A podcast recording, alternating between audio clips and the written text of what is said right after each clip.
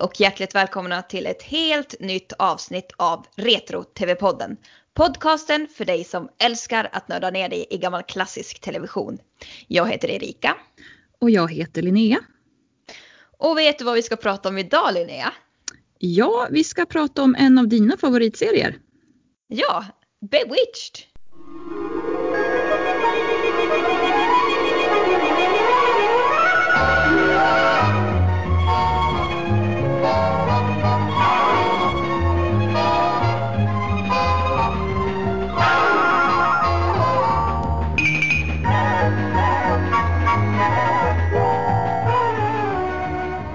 Ja, alltså den här tv-serien kollade ju jag på som besatt för, ja, nu är det nog en 10-11 år sedan. Eh, men då var jag väldigt inne i det här universumet så att säga. Eh, jag vet inte om jag plågade dig med några avsnitt. Jag har för mig att vi brukade dra ner en DVD-box från hyllan och kolla några avsnitt. Jo, jag tänkte precis säga det att, att jag blev ju också indragen i det här universumet tack vare dig.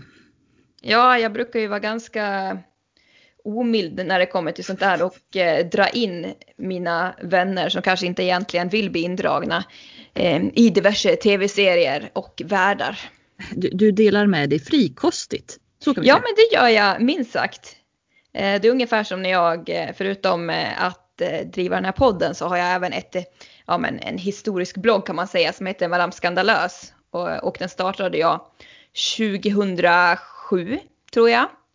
Eh, och den startade jag enkom för att eh, bland annat Linnea och eh, två andra kompisar som vi hängde mycket med, de var så trötta på att höra om mitt snack om den ryska tsarfamiljen.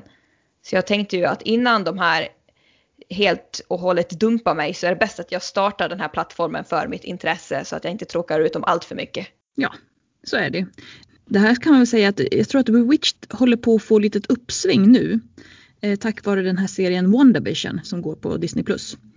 Eh, för den här eh, WandaVision-serien är ju en slags hommage till äldre tiders sitcoms och just det avsnittet eh, där det utspelar sig på 60-talet är ju väldigt tydligt en hommage till just Bewitched. Ja men precis, hela interiören där huvudkaraktärerna bor är ju en direkt kopia av det hus som huvudkaraktärerna i Bewitched bor i. Eh, sen är ju även det hus som man använde eh, i tv-serien Bewitched är ju med i WandaVision. Jaha. Så att eh, det finns ju en, en häxkaraktär även i den här tv-serien.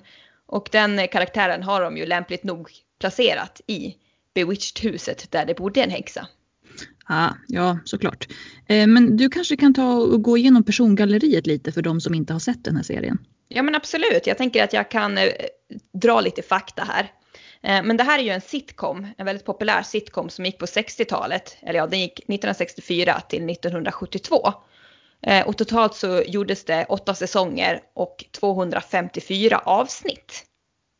Och eh, den handlar då om en ung och vacker häxa som heter Samantha som eh, träffar Darin som är en helt vanlig man. Och eh, de gifter sig ganska snabbt. Eh, men Samantha, hon, hon berättar ju inte för Darin att hon är häxa förrän på bröllopsnatten. Och han tar ju kanske inte det där jättebra, för han vill ju att hon ska vara en helt normal hemmafru. Ja, som ju alla andra hade på 60-talet. Precis, och det här är också någonting som Samantha går med på. Men till saken hör ju att hon har ju en hel rad ganska excentriska släktingar som inte alls vill att Samantha ska släppa sitt eh, magiska arv och gör ju allting för att eh, eh, liksom styrka det här arvet och försöka sätta dit Darren som vill bestämma hur Samantha ska, ska leva sitt liv. Ja, och, och när vi ändå pratar om släkten så ska vi väl säga att det är framför allt Samanthas mor, Endora. Ja, men precis. Det är hennes, hennes väldigt flamboyant moder eh, som då heter Endora. Och eh, eh, man får ju känslan av att innan Samantha gifte sig så var det ju hon och Endora som åkte omkring i världen och levde livet. Och Endora har väl extremt svårt att för det första acceptera att Samantha vände sig bort från den magiska världen. Och sen tror jag att eh, hon också har lite svårt att acceptera att det kommer inte vara de två längre. Utan Samantha har skaffat sig en, en man och mannen vill inte att hon ska vara en del av deras värld. Nej och sen just för Endora så framstår väl Darren som en extrem torrboll. Ja, det gör, hon, det gör han definitivt. De är ju varandras motsatser i allt. Han är ju väldigt korrekt, väldigt clean cut, eh, präktig och Endora är ju liksom bara sättet som hon är klädd på är ju extremt excentriskt. Och hon reser ju omkring i världen och deltar i surftävlingar och kör motorcykel och har massa sånt där för sig. Så att det är verkligen två olika typer av människor här. Ja, och det är väl det man bygger mycket av intrigen på också. För att de flesta avsnitt, i alla fall de jag har sett, bygger ju på att Endora dyker upp när Darin har planerat någonting eller hon ställer till någonting och så blir det någon slags kamp mellan de två. Precis, hon eh, utsätter ju ofta Darren för någon sorts eh, förtrollning. Eh, till exempel så i något avsnitt så får hon hans öron att växa okontrollerat. Och det orsakar ju en massa kaos när han kommer till jobbet med två stycken jätteöron liksom. Och i något annat avsnitt så blir han sakta förvandlad till en varulv. Ja, att, ja det är väl något avsnitt han, han blir förvandlad till ett barn också va? Ja, det är det nog när du säger det. För jag för mig att den, den grabben som spelar Darren som om man ska vara 10 eller 12 år är väldigt, väldigt duktig. För han, man tror verkligen att det är den personen som har blivit barn igen. För de har exakt samma ansikts eh, eller grimaser och, och kroppsspråk och så. Just det, när du säger det. Han är väldigt uppstudsig och liksom lite aggressiv mot eh, eh, Endora och allt det här för att han har ju blivit utsatt för den här förtrollningen. Så att det är verkligen en vuxen Darren i en liten pojkes kropp. Mm. Och det är ju fruktansvärt underhållande. Ehm, men de här tre, det är väl egentligen de tre som är huvudkaraktärer. Samantha, Darren och eh, Endora. Och de här spelades ju av Elizabeth Montgomery, Dick York och Agnes Moorehead. Och jag vet ju att vi har nämnt några av de här skådespelarna i förbifarten i, i tidigare avsnitt. Men jag tänker att vi kanske ändå ska göra en liten kort resumé för, eller över dessa tre med tanke på att det är ju inte jättekända namn i Sverige ändå. Nej men det tycker jag absolut att vi gör. Mm. Eh, och jag vet inte, ska vi ta huvudpersonen Samantha som spelades av Elizabeth Montgomery? Ja, absolut. Mm. Eh, nej men hon var ju 31 år när, när serien började. Men hon, hon hade ju en lång karriär bakom sig redan då för hon var ju född in i skådespelaryrket. Hon var ju dotter till en, en Broadway-skådespelerska som hette Elizabeth Daniel Bryan och sen till filmstjärnan Robert Montgomery. Eh, och hon, eh, hon gick ju sina föräldrars fotspår redan från barnsben så att säga och sen så utbildade hon sig vid American Academy of Dramatic Arts. Och sen så dröjde det inte länge innan hon fick göra sin tv-debut och det gjorde hon ju då självklart i sin fars tv-serie eh, Robert Montgomery Presents. Såklart. Ja, det gäller att ha de rätta kontakterna, då går det lite enklare. Ungefär som med familjen Skolin Wahlgren Ingrosso idag. Ja, och lite kul är ju att Elizabeth Montgomery och Kristina Skolin är ju ganska lika. Ja, det är de faktiskt.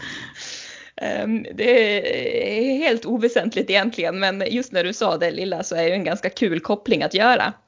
Uh, och har ni inte sett Elizabeth Montgomery så tänker jag att vi kommer ha en bild på henne i samband med att vi publicerar avsnittet. Så då kan ni ju själva gå in och jämföra.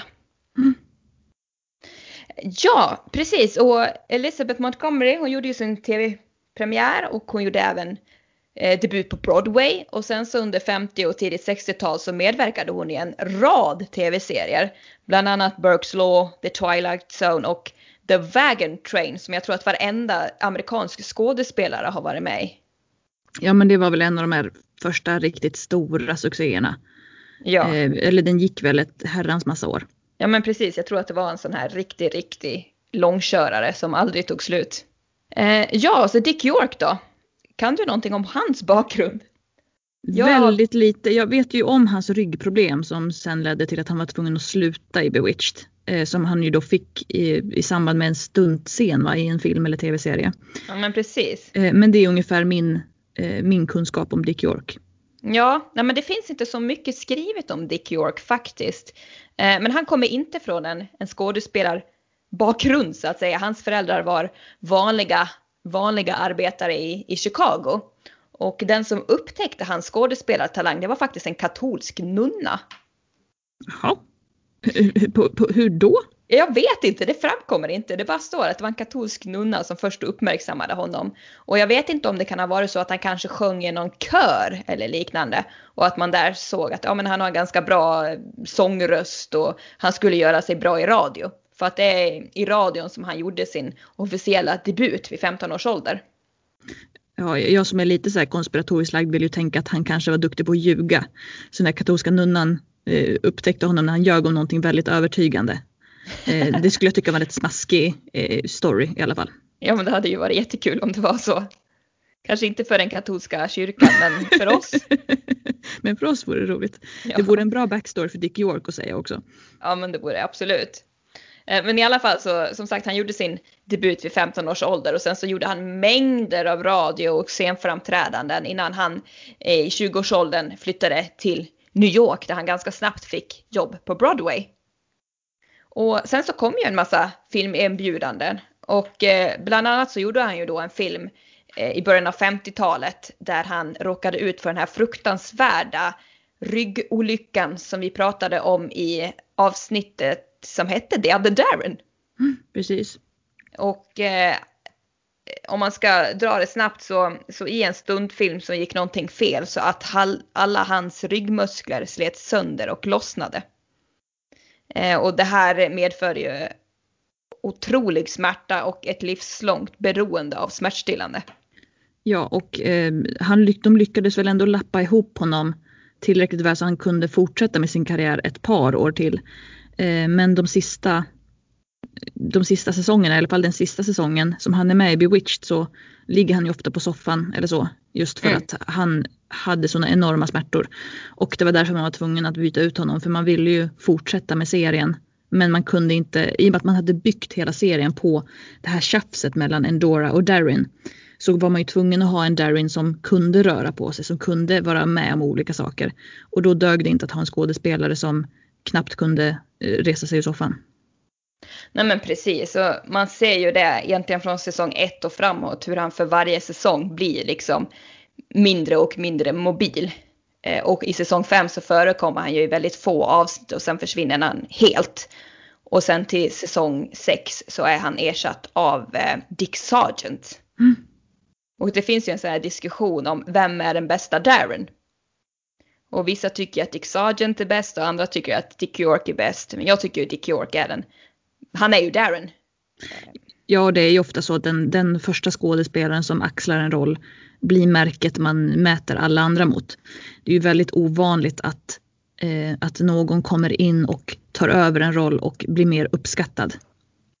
Ja men precis och Dick York och Dick Sargent var så otroligt olika i, i sin rolltolkning också. Dick York hade ju de här, han använde ju väldigt mycket mimik och han hade stora rörelser och han var ofta ganska upprörd och Dick Sargent var mycket, mycket mjukare eller vad man ska säga. Inte alls eh, lika upprörd som Dick York. Och någon som tyckte extremt illa om att Dick York blev ersatt av Dick Sargent, det var ju då skådespelerskan som spelar Endora, Agnes Moorehead. Och här hade man ju verkligen rotat fram en gammal veteran. Ja men precis, det här var ju Ehm, en filmskådespelerska man lyckades få fram. Eh, för vi har ju sagt det några gånger i podden men det tål ju att nämnas igen att tv-skådespeleri har inte varit ansetts vara lika fint för en, för en typ tio år sedan kanske. Så fram till eh, för en tio år sedan så har ju eh, filmskådespeleri ansetts vara mycket, mycket fin, finare än tv. Eh, och det är därför det har varit så många eh, artiklar och sånt så fort det är en skådespelare som framförallt har gjort sig känd på tv som helt plötsligt gör en bra film för att det förväntar man sig inte. Eh, och därför är det ju väldigt, väldigt stort att de lyckades få Agnes Moorehead till Bewitched. Absolut, och hon var ju heller inte direkt överförtjust i att acceptera den här rollen utan det var väl mer så här att ja, jag nedlåter väl mig till att göra det här i någon säsong men jag tror inte så mycket på det här konceptet så att eh, ja, efter några avsnitt så, så kan jag väl göra det jag vill igen. Och hon hade ju också inskrivet i sitt kontrakt att hon behövde bara eh, medverka, jag tror det var två tredjedelar av avsnitten under en säsong. Ja, okej. Just för att hon skulle kunna göra annat. Hon jobbade ju väldigt mycket på radio till exempel. Mm. Eh, och eh, reste land och rike runt med sin one woman show. Hon var ju lite känd som kvinnan med de, med de tusen rösterna. Och eh, reste som sagt runt i landet med diverse monologer där hon spelade olika kända personer. Men Agnes Mooreheads liv började ju långt, långt, långt före Bewitched. Hon är ju född vid sekelskiftet, eh, nämligen i december 1900. Och hon föddes i Clinton, Massachusetts. Och Clinton, Massachusetts, vet du vad det ligger nära? Nej. Jo, det ligger ju nära den stad där pappa och mamma Kelly bodde. Här måste du göra en liten utvikning Erika och berätta för lyssnarna vilka pappa och mamma Kelly är. För det är också ett sånt där obskyrt område som de flesta inte känner till. Ja men precis. Eh, jag vet inte om ni som lyssnar har hört talas om bandet The Kelly Family som sålde guld på, på 90-talet med albumet Over the, nej, vad heter det? Over the Hump tror jag det heter. Eh, de sålde 25 miljoner av det albumet 94-95 däromkring och var superstora i Tyskland. Eh, men det är i alla fall en, en familj och en sånggrupp eh, som startade redan 1975 i Spanien eh, under namnet The Kelly Kids. Eh, Men till saken hör att eh, det här bandet startades av pappan i familjen, Dan Kelly, som eh, från början bodde i Massachusetts och arbetade som lärare. Eh, och han var en vanlig eh, fyrbarnsfar, katolsk, eh, hade villa och bil. Eh, och sen så i mitten av 60-talet så kände han att nej, jag vill bort från det här materialistiska amerikanska samhället. Jag vill ge mina barn en annan värdegrund och skydda dem från eh, kommersialismen. Så att eh, tillsammans med sin fru, sina fyra barn och barnflickan Barbara så flyttade han till Spanien. Eh, Och inom något år så var barnflickan Barbara inte bara barnflickan Barbara utan hon var också mamma till ett av Dan Kellys barn. Eh, och sen så blev det så att frun och eh, barnflickan mer eller mindre bytte plats. Och eh, den här första frun då försvann bort tillbaka till USA medan Barbara och Dan, eller mamma och pappa Kelly, som de är kända som, startade en, en riktigt stor familj. Eh, och ihop blev de sedan ett band som bestämde sig för att konka omkring i Europa, bo i en dubbeldäckare och sjunga på gatorna och försörja sig, försörjde sig på det viset. Eh, och de har ju, jag vet inte, deras sound, de, det är något folk, någon sorts, jag vet inte, du som är i musikbranschen Linnea, hur skulle du beskriva deras sound? Ja, alltså det är lite svårt för det är ju åt folkmusikhållet. Ehm, det är ju mycket, de kör ju mycket på att de spelar väldigt många olika instrument och så. Eh, det är ju väldigt, Eh, ja men väldigt så här traditionellt skulle jag säga. Även om, det- för de, det är inte så modernt direkt. Nej, det, de är väl mer fast i någon sorts 60-70-tal skulle man väl kanske säga. Eh, men det känns eh, väldigt innerligt på något vis det de gör. Och speciellt de här låtarna som, som barnen skrev på 80 och 90-talet. De kommer liksom inifrån på något vis. Och de är ärliga och öppna och på något vis också väldigt sårbara i sin musik tycker jag. To my mother, to my father, to my sisters and my brothers, to my friends, myself, and to those I love so well.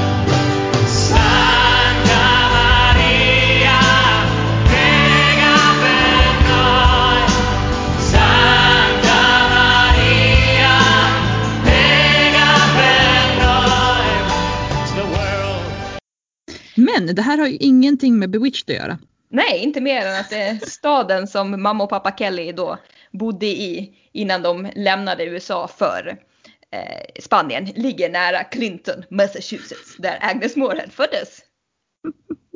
Eh, ja, men hon var dotter till en präst, a Presbyterian minister, och eh, hans eh, mycket unga hustru som var 17 år gammal när Agnes föddes. Eh, och Agnes, hon eh, var ju, hon var väldigt förtjust i att uppträda redan vid tidig ålder. redan eh, vid eh, tre års ålder så gjorde hon sin debut i, i kyrkan när hon läste en, en bön inför hela församlingen. Och man tänker ju så här att är man dotter till en präst så kanske familjen inte uppmuntrar en att utforska sina mer konstnärliga sidor, eller vad man ska säga. Men så var det inte, utan de var väldigt, eh, ja men de uppmuntrade henne verkligen till att utveckla den här förmågan. Och de brukade till exempel fråga henne varje dag, vem är du idag Agnes? För att hon var väldigt pigg på att imitera eh, diverse församlingsmedlemmar och sådana saker. Jaha. Och det tror jag också har att göra med hennes den här benämningen som hon fick sedan, eh, kvinnan med de tusen rösterna. Att hon redan från tidig ålder var väldigt duktig på att använda olika röster och imitera människor. Mm. Eh, men sen så, så, sökte hon sig eh, till, eh, ja familjen flyttade och Agnes fortsatte att odla det här intresset och började faktiskt i kören på eh, operan i St. Louis. Eh, och sen så så gick hon vanlig skolgång. Hon gick college där hon tog en examen i eh, biologi faktiskt. En kandidatexamen i biologi. Mm. Och sen så jobbade hon som småskolelärare i 5-6 år. Innan hon beslutade sig för att studera vidare och då så tog hon en master i, tror det är public speaking och English literature eller något sånt där. Jaha. Och efter det så eh, sökte hon in till the American Academy of Dramatic Arts och eh, gick ut med högsta betyg 1929 när hon var nästan 30 år gammal. Så hon påbörjade egentligen sin skådespelarbana ganska sent i jämförelse med många andra. Mm. Det är lite som med Alan Rickman för att han eh, jobbade ju som reklamare fram tills han fyllde 29 eller sånt så att han kom ju in på jag har för mig att han kom in på RADA, alltså Royal Academy of Dramatic Arts i Storbritannien när han fyllde 29.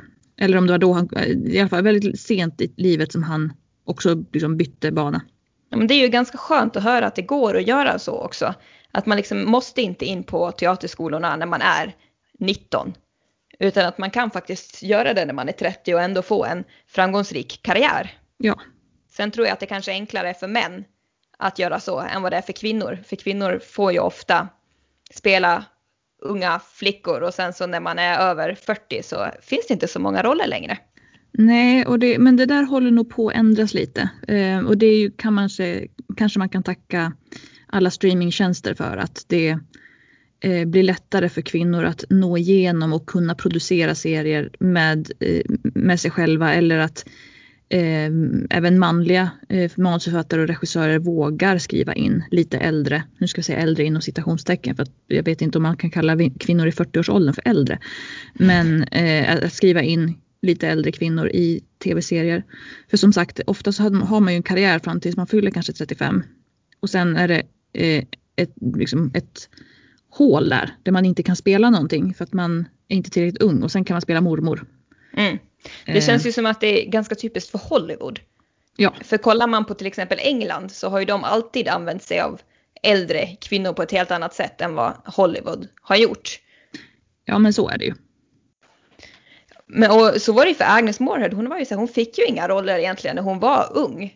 I 30-årsåldern hade hon ju jättesvårt att, att få arbete. Hon ska ha sagt att hon gick i fem dagar utan någonting att äta för att hon, hon tjänade helt enkelt inga pengar. Eh, och det, de, jag tror att det också var någon som liksom sa åt henne att försöka söka dig till filmen. Och det försökte hon göra, men de sa ju bara att nej, du är inte rätt typ. Och hon såg ju kanske inte ut så som en 30-tals skådespelerska skulle göra. Hon såg ju inte ut som Mae West liksom. Nej, så är det ju. Eh, men 1937 så, så fick hon ju ändå liksom sitt stora genombrott när hon blev en del av Orson Welles Mercury Players. Och de gjorde ju fantastiska radioföreställningar som gick ut över hela USA. Bland annat den här War of the Worlds som mm. satte landet i skräck. Ja, och det är så roligt när man tänker på det för att eh, det hade man ju, eller det är svårt att tänka sig idag.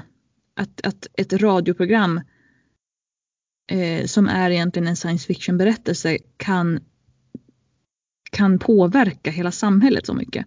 Eh, för det var ju, för er som inte känner till den här berättelsen så var det ju så att Orson Welles hade då gjort en bearbetning av Världarnas krig för radio och han hade valt att göra det som om det var en nyhetsuppläsning.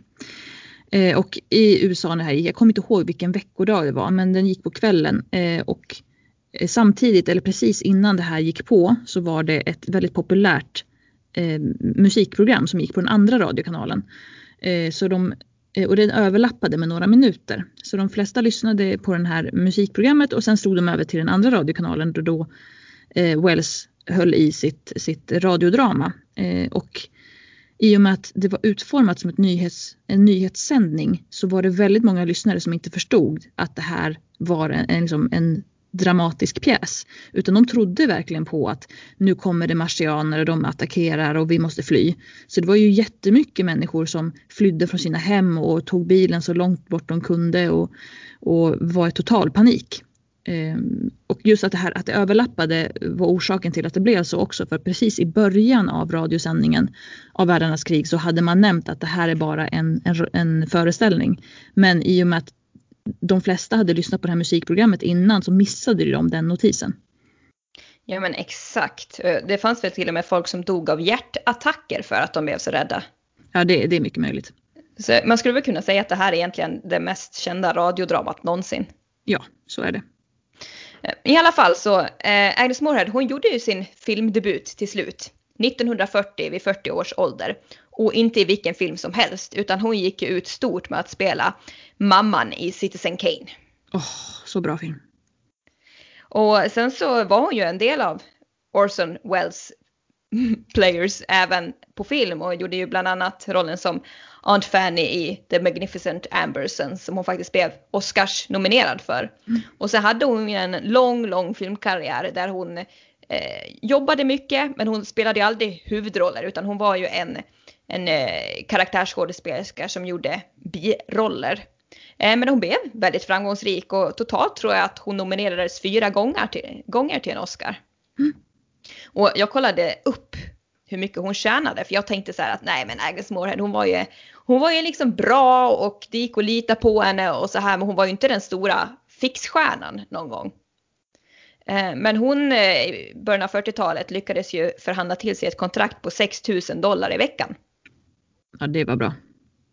Och jag översatte det här till jag var inne på typ svenska centralbanken och, och kollade liksom valutans förändrade värde och så. Så jag fick ihop till att hon tjänade 1,2 miljoner i veckan. Alltså nästan 5 miljoner i månaden. Oj, det tycker jag låter lite högt. Ja, jag tycker också att det lät högt, men det var det som den här valuta omvandlaren eller prisomvandlaren fick fram. Ja, men då, då litar vi på den tycker jag. jag. Om inte annat bara för att det låter lite häftigt. Ja, 60 000 svenska kronor i veckan på 40-talet. Det, 60 000 ska tydligen vara 1,2 miljoner, vilket låter jättehögt, men eh, man vet inte. The average American tjänade tydligen omkring 1000 dollar per år. Och hon fick 6 000 dollar i veckan. Ja, jo, det var hon bra på att förhandla alltså. Ja, bra lön verkar det som. Eh, men sen så på 60-talet så, så försvann ju det här filmstudiokonceptet lite. Den här gyllene Hollywood-eran var ju över och hon var äldre, hon var 60, 60-årsåldern och hade lite svårare att hitta jobb och då så kom ju det här erbjudandet då från Elizabeth Montgomery personligen. Och efter lite övertalning så, så sa hon ju ja. Och idag mm. så är ju Endora den roll som Agnes Moorehead är mest förknippad med. Mm. Eh, men, men, vi har ju lite fler personer i det här persongalleriet eh, som kommer in och gästskådespelar som då ofta Darin måste hålla upp fasaden mot eller personer som eh, ge, försöker hjälpa Endora med att få Sam att komma tillbaka till magivärlden på något sätt. Mm. Då tänker jag kanske framförallt på, på grannarna. ja, herr och fru Kravitz. Japp. Och då är det väl Gladys Kravitz först och främst. Och eh, hon bor ju granne där med Samantha och Darren på Morning Glory Circle. Som är ett väldigt korrekt eh, förortsområde till New York tror jag att det är. Eh, och hon, hon misstänker ju tidigt att det är ju någonting som inte riktigt stämmer hos eh, familjen Stevens. Är inte Samanthas mamma lite konstig? Hon dyker ju upp ur intet i excentriska kläder hela tiden. Och hur kommer det sig att Samantha badar i en pool fast de inte har någon pool? Och varför svävar hon ibland i luften? Ja, det är ju sådana saker som jag själv skulle börja fundera över om jag var granne. Precis, och Gladys själv lyckas ju se de här grejerna. Men så fort hon ska visa sin man vad som händer över eh, hos grannarna då, så, så är ju allt helt normalt. Mm. Så han tror ju att hon är helt eh, koko i huvudet. Och det är ju otroligt eh, underhållande faktiskt just att se hur hon är så ivrig och ska visa allt det här märkliga som händer hos Darren och Samantha. Och sen så kommer de dit och då är allt som vanligt och mannen bara himlar med ögonen och tänker åh, nu håller hon på igen. Eh, och den här karaktären spelades ju av två olika skådespelerskor. Eh, och den första hette så mycket som Alice Pierce. Ja, exakt. Eh, och hon var ju med i de första två säsongerna. Och tänker man på Gladys Kravitz så tänker man på Alice Pierce. Trots att hon var med under så kort tid. Jo, jo, men det är ju lite det här som vi nämnde innan att den som gör rollen först är oftast den som sätter spår. Och den här skådespelerskan Alice Pierce, hon, hon var faktiskt sjuk i cancer när hon tog den här rollen. Så hon visste att jag har inte så jättelång tid kvar att leva men jag vill göra det här. Så hon höll ju det här hemligt och sa ingenting. Men eh, med tiden så blev det ju ganska tydligt att här är det någonting som inte står riktigt rätt till. För att hon blev magrare och magrare och såg sjukare och sjukare ut. Och under säsong två så, så gick hon ju bort. Mm. Och cancer är ju någonting som har präglat Bewitched ändå på något vis. Eh, Alice Pierce gick ju bort i cancer och Elizabeth Montgomery gick ju bort ung i cancer. Och även Agnes Moorehead gick bort i cancer. Mm, jag vet att jag såg någon sån dokumentär just om The Tragedy of the Bewitched Cast eller något sånt. Eh, Ja. Just för att det är många som har blivit sjuka eller, eller skadade i ganska ung ålder. Eh, I Agnes Mooreheads fall så handlar det just om att det är koppling till en film hon gjorde på 50-talet va? Ja, Erövraren tror jag att den hette. Precis, för att det, eh, det var en film som de filmade ute i öknen någonstans. Jag kommer inte ihåg exakt vart, men bara ett antal kilometer bort så gjorde man kärnvapensprängningar av något slag. Eh, och väldigt, väldigt stor andel av de som arbetade i det filmteamet och de som arbetade som skådespelare på den filmen fick cancer de kommande en eller två decennierna i mycket, mycket högre grad än befolkningen i allmänhet. Ja, jag tror att det var 98 av 220 stycken. Eh, Och det är ju en, en stor andel. Och i Agnes Mooreheads fall så, när hon dog 1974 av den här can- cancern, så hon hade ju en efterlevande arvinge. Vet du vem det var? Nej, Det var hennes mamma. oj. Ja, Ja. för att hennes mamma dog 1990. Oj, oj, oj. Hon måste ha varit riktigt gammal. 106 år. Och då tänker man ju liksom hur gammal hade Moorhead kunnat blivit om hon Mm. inte hade gjort den här filmen som, som gjorde henne sjuk. Precis. Eh, men i alla fall, eh, vi har ju några fler. Vi har ju bland annat Samanthas pappa, Ja, Maurice. Maurice. Han gillar ju jag, han är ju rolig. Han är ju någon sorts... Det är svårt att avgöra varifrån Endora och Maurice kommer. Båda två har ju någon sorts brittisk flärd omkring sig. Ja, och, jag tänker mig att för att de ska ha väl de har väl levt ganska länge va, i, i, och med att de är magiska varelser på något sätt. Ja men Så jag precis. Tänker mig att det vore rimligt att säga att de är från Storbritannien i och med att det är ett mycket äldre land än USA. Ja, i något avsnitt så avslöjar jag om det är, jag tror att det är Endora, att de kom över with the Mayflower. Ja, såklart. Jag förstår inte varför de skulle ha åkt båt när de bara kan zip and zap eh, överallt. Men eh, universumet var kanske lika litet för dem som för vanliga människor. Så de kanske, kun, de kanske inte kunde zappa sig till, till Amerika. Mycket möjligt. Eh, men i alla fall, eh, Samanthas pappa Maurice, han är ju ännu värre än Endora när det kommer till att tolerera Darren. Eh, han gör sin debut i avsnitt 10 tror jag att det är i första säsongen. Och då så upplöser han ju Darren i intet. Oj. Mm. Darren upphör att existera för några minuter. Och eh, då blir ju Samantha väldigt ledsen och då kommer faktiskt Endora till hennes undsättning och säger att Maurice, jag gillar inte heller Darren men så här, så här kan du faktiskt inte göra. Man kan inte döda personer för att man inte tycker om dem. Nej, det, det är väl ganska rimligt eh, kan jag tycka. Och Endora och Maurice är lite intressanta för att de är ju gifta men separerade. Ja. Och det ser man ju inte så ofta under den här tiden. Nej, och jag, jag tänker mig att en av orsakerna till att de fick göra så var just att de är en häxa och en trollkarl. Jag tror att hade de varit vanligt dödliga så hade man nog inte velat visa det i, på tv i USA på den tiden. Mm, nej men exakt. Och Maurice är ju alltid klädd i frack. Och han anländer alltid på ett ganska excentriskt sätt. Eh, ibland så anländer han i någon, i någon gammal bil och ibland så dyker han upp i ett grönt moln. Eh, men det är alltid väldigt stil omkring honom och han citerar ju ständigt Shakespeare. Det är väl, eh, eh det sägs väl lite i skymundan att han kanske var väl bekant med Shakespeare och att han eh, även är häxvärldens främsta Shakespeare-tolkare. Ah. Och i något avsnitt så har han en liten assistent som mer eller mindre är hans eh, älskarinna. Och det där får jag ändå reda på och då tar det ju hus i helvete. Det är en extremt underhållande, eh, ett extremt underhållande avsnitt i säsong 5 någon gång. Eh, sen har vi ju lite andra släktingar. Vi har Aunt Clara. Samantas moster, faster som är extremt fumlig men väldigt godhjärtad och älskar Darren. Och hon är ju liksom, hon är inte alls lika, både Endora och Maurice är ju väldigt mäktiga eh, inom den magiska världen. Man får ju känslan av att det här är ju en av de mäktigaste familjerna som finns. Det här är ju liksom häxvärldens familjen Kennedy typ. Fast mm. utan alla tragedier. Ja. Eh, och Clara är ju liksom inte alls uppe i den här nivån utan hon är lite halvtaskig när det kommer till sina trollformler och sånt där. Men hon är väldigt godhjärtad och hon är väldigt förtjust i Samantha. Mm.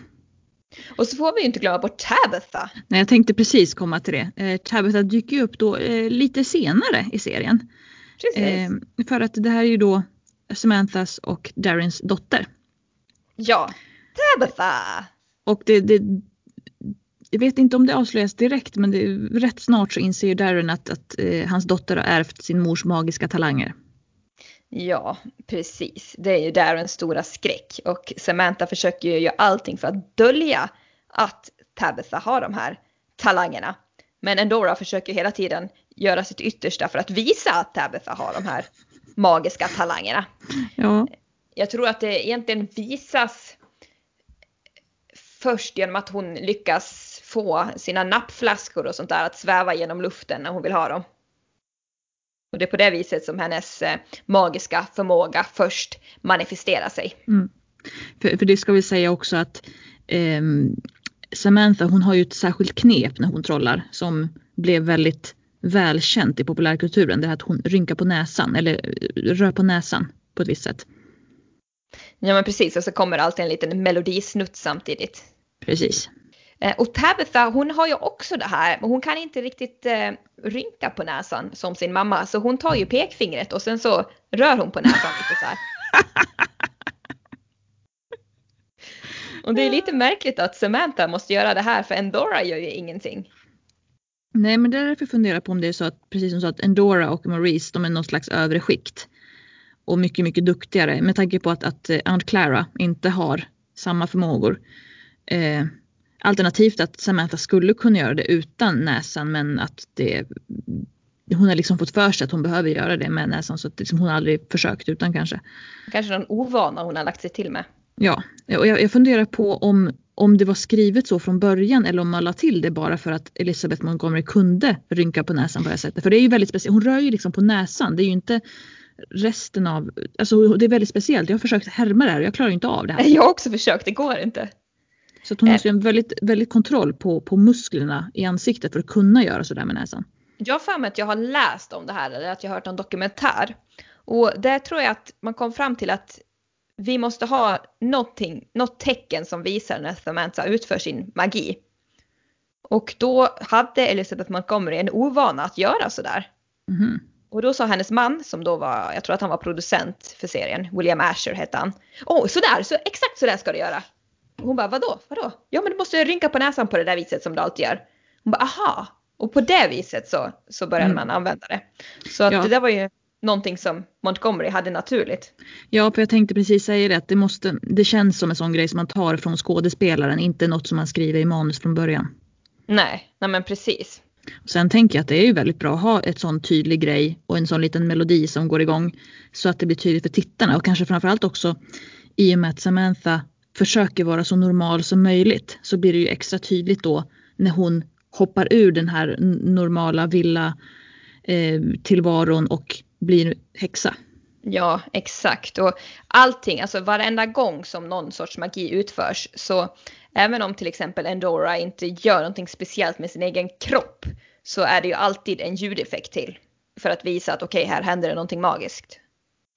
Jag tänker just effekter var ju någonting som Bewitched låg i framkant med. Eh, det här att, att Endora dyker upp från tomma intet. De var ju duktiga på att trickfilma. Ja, jätteduktiga. Eh, jag, jag vet att när de filmade det näst första avsnittet när Darren och Samantha flyttar in i sitt nya hus. Eh, bara att filma utomhusscenen där Samantha trollar dit någon sorts rad med blommor, en liten rabatt. Och blomma för blomma för blomma dyker upp. Den tog ju flera dagar att göra. Och något annat som man gör snyggt är ju det här med att eh, man har ju uppenbarligen stannat skådespelarna i rörelsen, tagit in ett objekt och sen bett skådespelarna att fortsätta den här rörelsen. Mm, precis. Och det är ju väldigt, alltså det är ju väldigt svårt. Eh, och eh, ibland så går ju det här klockrent och vissa gånger så ser man ju att oh, här har skådespelaren flyttat sig lite eller rört armarna lite för att bli lite hackigt. Mm. Men ofta är det ganska, ganska bra gjort. Ja, för att vara mitten på 60-talet skulle jag vilja säga att det är väldigt, väldigt bra gjort.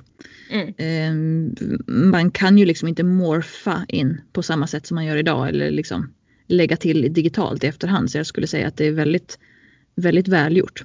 Mm, absolut. Och sen så tycker jag, alltså Bewitched är ju väldigt snyggt överlag när det kommer till ja men till exempel till mode. Det är ju extremt 60-taligt och eh, väldigt fashionabelt överlag. Mm, jo men det är det. Jag menar, Samantha är ju klädd som ur en katalog med väldigt trendiga kläder och hon följde ju trenderna väldigt noga. Eh, man kan ju se på 70-talet, eh, där kring 71-72, så ser hon ju totalt annorlunda ut mot vad hon gjorde 64. Mm. Eh, så hon är ju en slav under modet, eller vad man ska säga. Ja. Endora är ju inte riktigt lika mycket slav under mordet, men hon har ju en, en väldigt excentrisk stil. Ja, och vi ska väl säga det också att den här serien gick ju, var det en eller två säsonger som gick i svartvitt innan de bytte till färg? Två. Två, och det här är ju en serie som verkligen vann mycket på att sändas i färg. För att även om eh, Ehm, Agnes Moorehead är väldigt så här flamboyant som en dåre, så det är ju framförallt när det blir färg som man får liksom hela skapelsen på något sätt och förstår hur spejsat det är. Ja men exakt. Eh, mycket i alla starka färger som man använder i dekor och kläder. Eh, men sen också som du säger till exempel Agnes Mooreheads eh, väldigt färggranna kaftaner som hon drar omkring med och sen det här röda håret och den starka sminkningen. Hon har ju knallblå eh, ögonskugga som går upp ganska högt. Ja, har du några sådana här favoritavsnitt Erika? Eh, ja, det har jag. Eh, jag gillar ju avsnitten där Maurice är med för jag tycker ju hela den här familjedynamiken är rolig. Jag tycker också avsnitten där Darrens föräldrar är med. Ja, är de har vi ju inte nämnt för de är ju också med eh, till och från. Ja, men precis. Darrens föräldrar är ju med mer än vad Maurice är med. Han förekommer ju inte alls speciellt ofta. Om man är med i kanske 12, 13, 14 avsnitt sammanlagt. Mm. Eh, så han dyker bara upp någon eller ett par gånger per säsong. Eh, men Darrens föräldrar, de är med eh, desto oftare. Och framförallt hans mamma. Och den här mamman hon är ju, ja hon var ju väldigt traditionell av sig.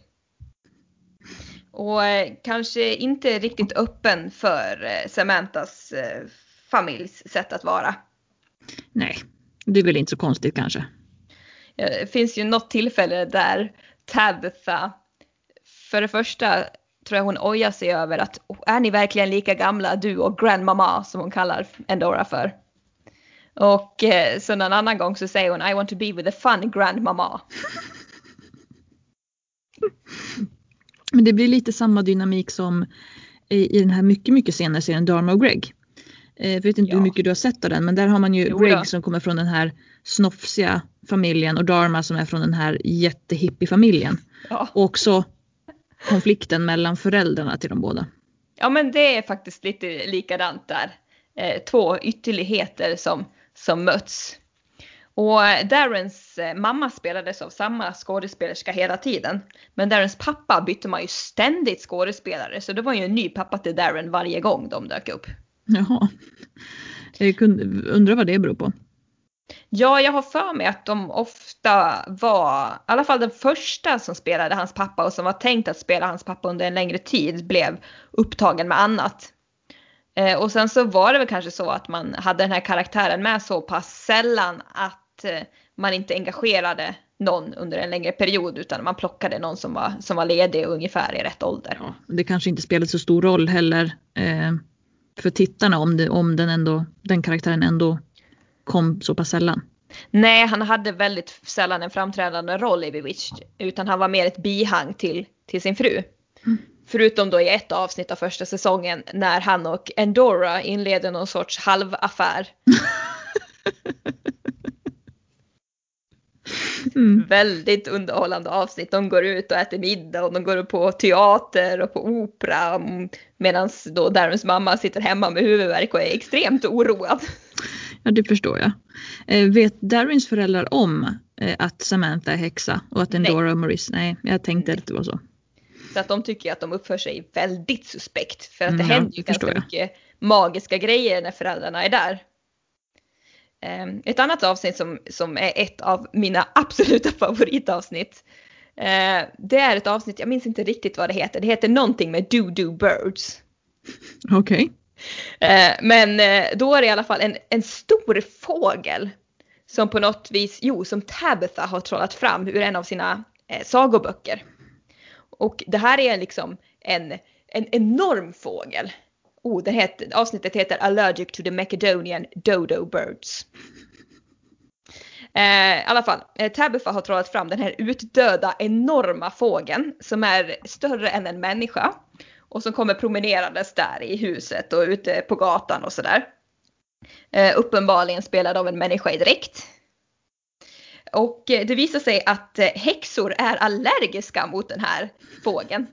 Så att när de kommer i kontakt med den så tappar de sina krafter. Oj då, Och den som kommer i kontakt med den här fågeln det är ju givetvis Endora. såklart. Eh, så att eh, hon ska säpa sig tillbaka till sitt moln som hon bor på eh, sent på kvällen så kommer hon ingenstans. Det tar bara stopp. Och eh, de tänker att nej, nej, ja, det är nog så att Endora är trött. Det är nog bäst att hon får sova över här och sen så är allt som vanligt imorgon. Men sen när hon vaknar på morgonen, nej, då är alla krafter helt borta. Och hon tvingas ju spendera några dygn som dödlig. Och det här är ju till Darrens stora glädje. Ja, Han såklart. är ju så nöjd. Eh, det finns en scen eh, där tidigt på morgonen när de ska dricka kaffe hela familjen och Endora ser ut som skräp. Vet, håret står åt alla håll. Eh, den här kaftanen sitter helt snett, ser extremt olycklig ut och sen så ska hon hälla upp kaffe. Och hon orkar ju inte ens lyfta tillbringan för hon gör ju alltid det där på liksom ett magiskt sätt. Och nu ska Ah, hon ja. lyfta den med egen handkraft och liksom ram, faller ihop när hon lyfter upp den här kaffetillbringan. Ja, Det tycker jag är jättekul. ja såklart. Jag, kommer att tänka på en scen som jag eh, minns som jag tänkt så här att den här måste ha varit lite så här risque att, att göra på 60-talet. Och det är när Samantha är gravid med Tabitha. Så är hon hos sin, hos sin läkare eller gynekolog eller vad han är. Och så ber hon om att I, I would like to eh, fill my, my pill description. Och så säger Ja. han någonting i stil med Oh you're, you're too late for that. Och så blir det en sån här grej, nej nej, alltså inte mina p-piller utan mina vitaminer. Ah, Eh, och bara det att de vågar sig, gör, dra ett sånt skämt på 60-talet när jag misstänker att p-piller fortfarande var väldigt så här, man rynkade på näsan åt eh, i vissa kretsar. Så där tycker jag de tog lite av en, av, av en risk där. Ja men definitivt. Eh, Jag har inte jättekoll på när det pillret kom men det var väl att det började användas bland folk, alltså egentligen på 60-talet. Ja, det, det, den, eh, det hade ju en helt annan, eh, när p-pillret kom eller det, eh, så hade det en helt annan eh, funktion. För att den, man, man, skulle använda det som läkemedel mot någonting annat. Men så stod det på förpackningen att en av biverkningarna var utebliven menstruation. Mm. Och det här upptä- eller förstod ju då många kvinnor och många gynekologer att, att eh, det innebär ju att man inte kan bli gravid. Så att helt plötsligt var det väldigt, väldigt många kvinnor som plötsligt hade en rätt, jag har för mig att det var en rätt ovanlig sjukdom bara för att kunna få de här, den här medicinen utskriven.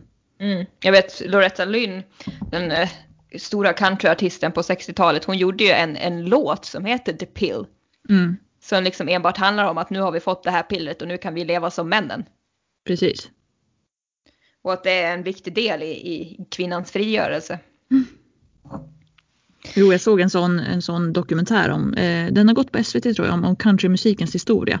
Mm. Och då pratar de just om det här med hur countryn låg i framkant i den sociala utvecklingen på 60, 70 eller egentligen hela tiden fram till att det är framförallt nu mot slutet på 90-talet och sen 2000-talet som countryn har blivit något slags konservativ musik. Ja. För att det egentligen alltid har varit den som har pushat gränserna och eh, försökt eh, ja, men varit liksom lite mer liberal och faktiskt sjungit om det som händer och inte förskönat.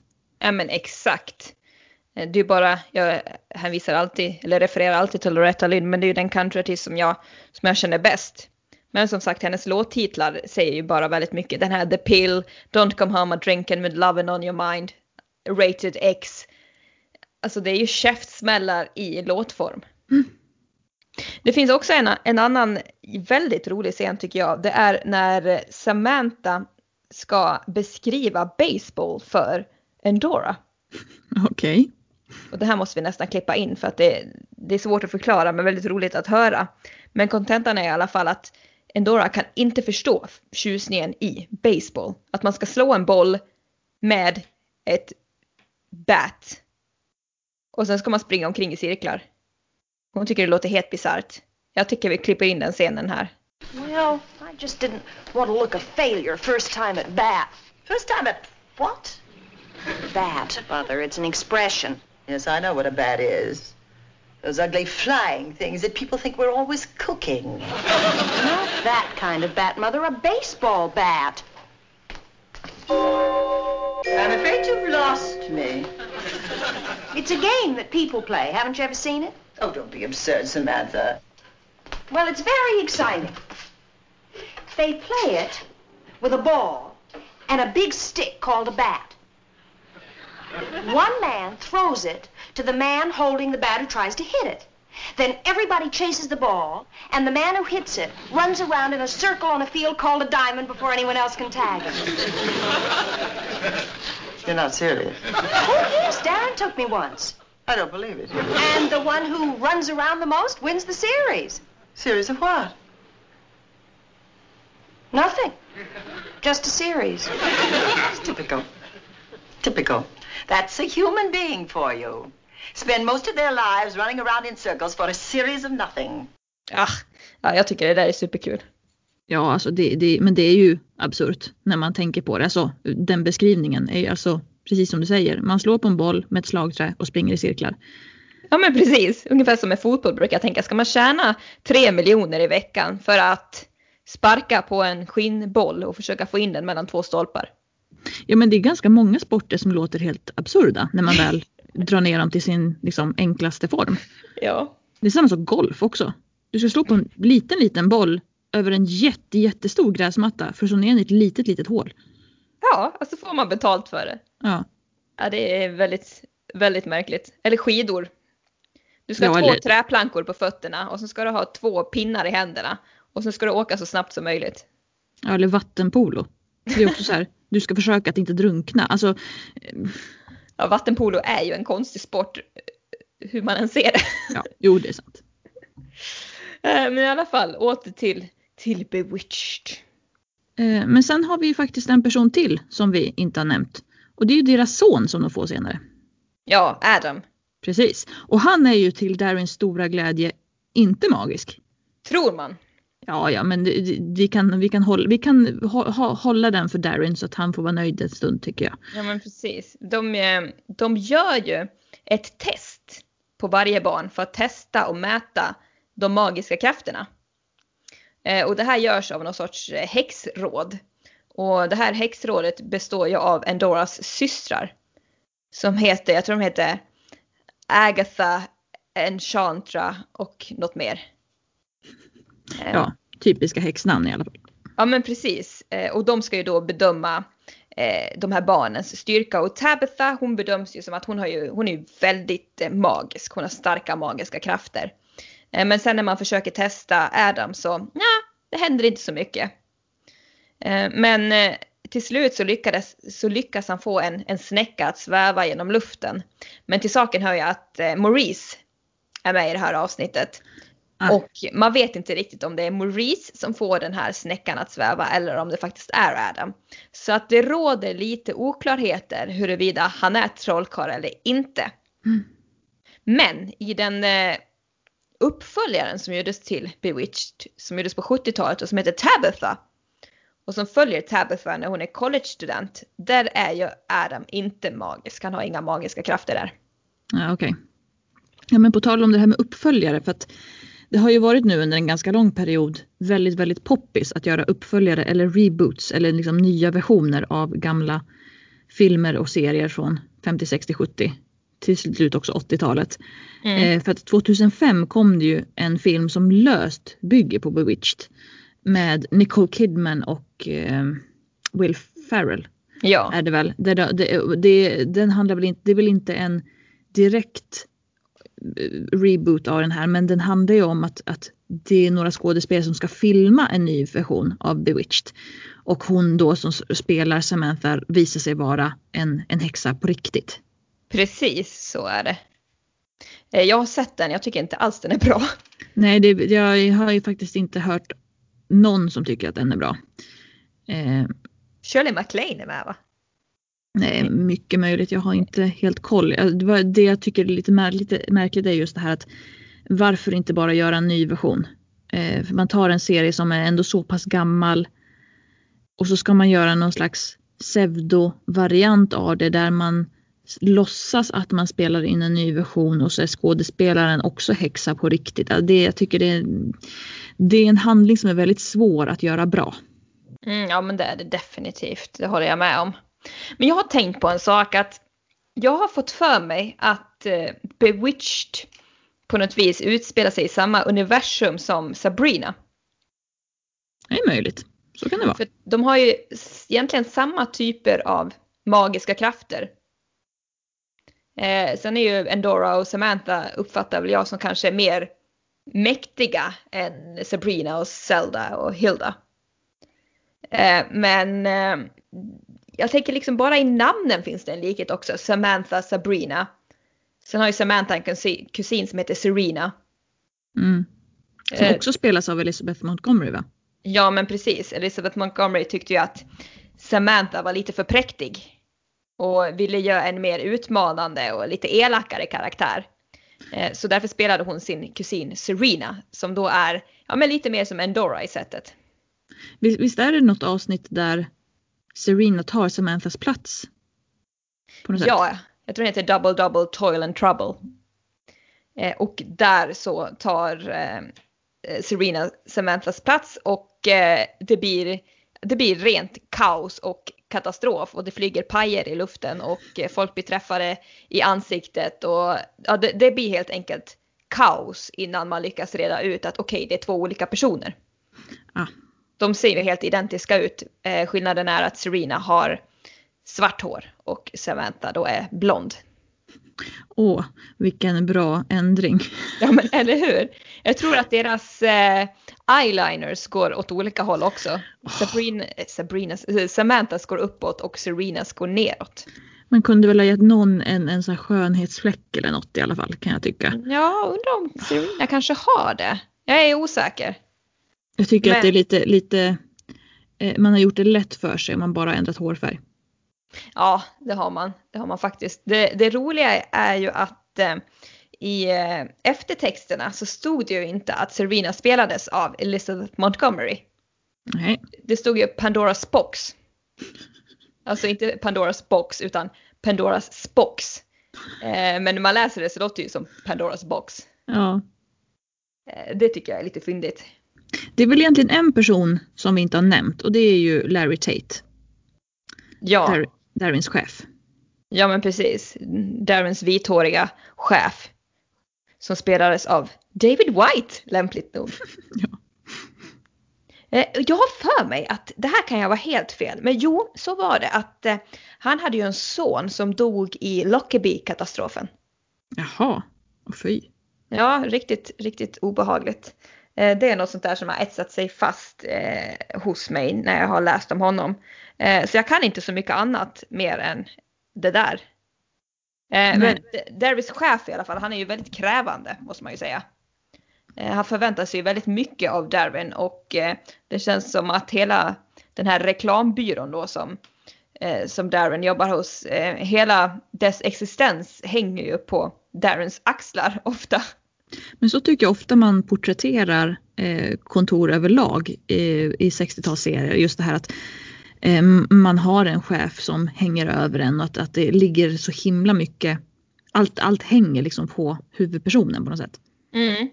Och han verkar ju vara någon sorts eh, creative director. Han är ju kreativt ansvarig för de här kampanjerna som, som byrån tar fram.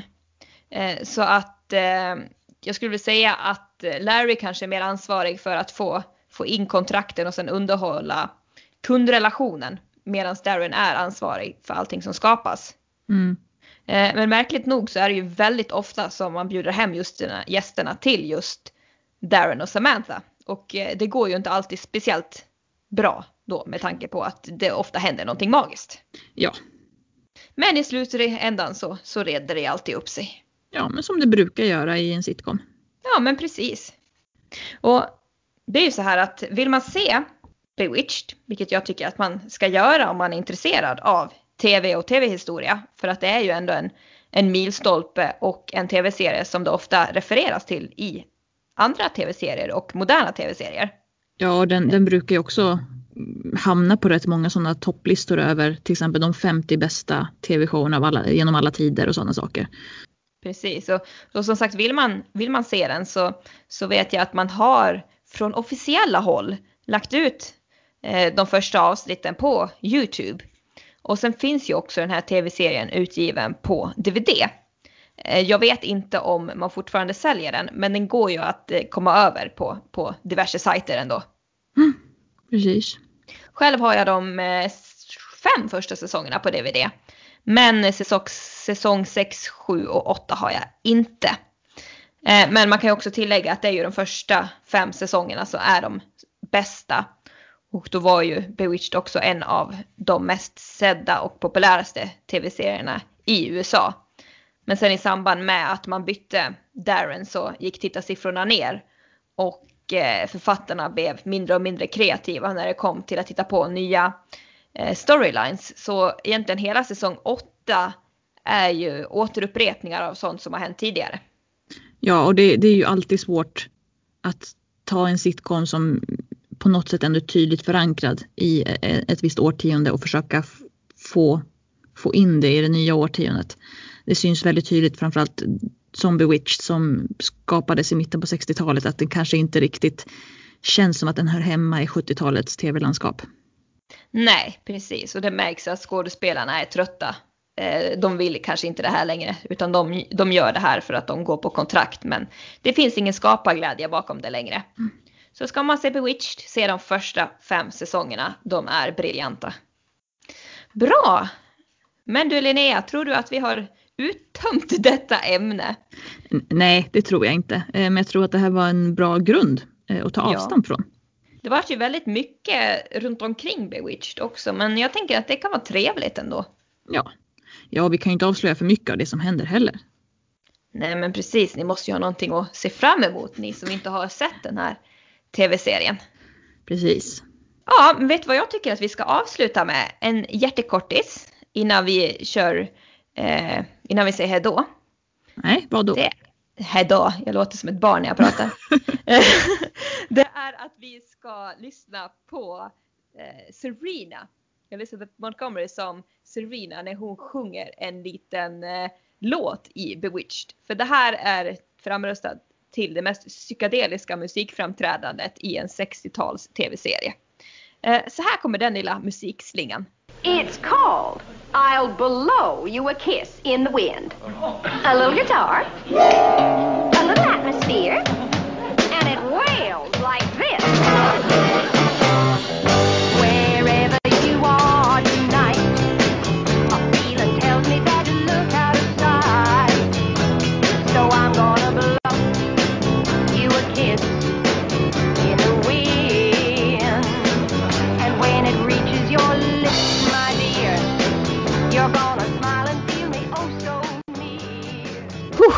Nu ska man väl kanske se det här för att få hela upplevelsen och eh, den ligger på Youtube och vi kan länka det tänker jag under avsnittet, alltså i Mm. kommentarsfältet. Absolut. Eh, så att man har möjlighet att se det. Men bra Linnea, då är det väl dags att avsluta det här avsnittet. Ja, det är det och eh, om ni som lyssnar, om ni tyckte om det här får ni jättegärna gå in på våran Facebook-sida eller våran Instagram och följa och kommentera. Eh, vi tar tacksamt emot förslag på, på, på vad, vad ni vill att vi ska prata om. Eh, till exempel tv-serier eller vissa fenomen eller så. Eh, och nästa gång när vi ses då pratar vi om någonting helt annat. Det gör vi. Ha det så bra! Hej hej!